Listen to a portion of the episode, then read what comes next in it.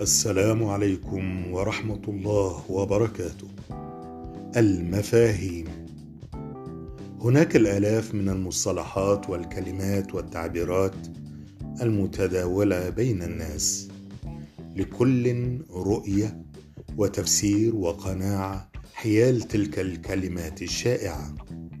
وعندما يكون هناك تضارب في وجهات النظر وتضاد في المصالح يصبح البشر عرضة للصراعات وبقدر التوافق حول المفاهيم تهدأ النفوس ويطمئن الناس لبعضهم البعض.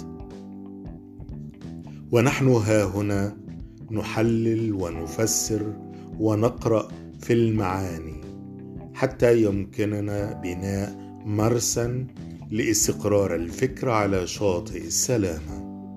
ولنبدأ الآن في قراءة المعاني والمفاهيم. كثيرا ما نسمع عن لفظ الحرية. ما هي الحرية؟ وعلى أي نحو يفهمها الناس؟ الحرية هي استقلال الذات فكرا وتصرفا وفعلا. وعند خضوعها أو عند خضوع الفكر والتصرف لأي إكراه خارجي لا يصير هناك حرية.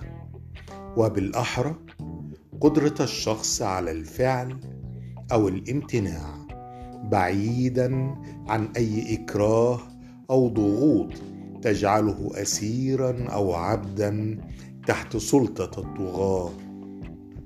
هل هذا تفسير كاف؟ فلنفكر سويا.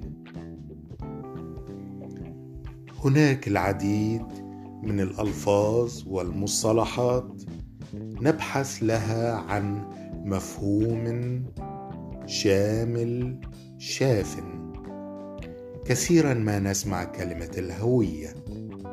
الهوية الهوية الهوية. نعم. كثيرا ما نسمع هذا اللفظ ولكن ما هو مفهومه حول هذا المصطلح؟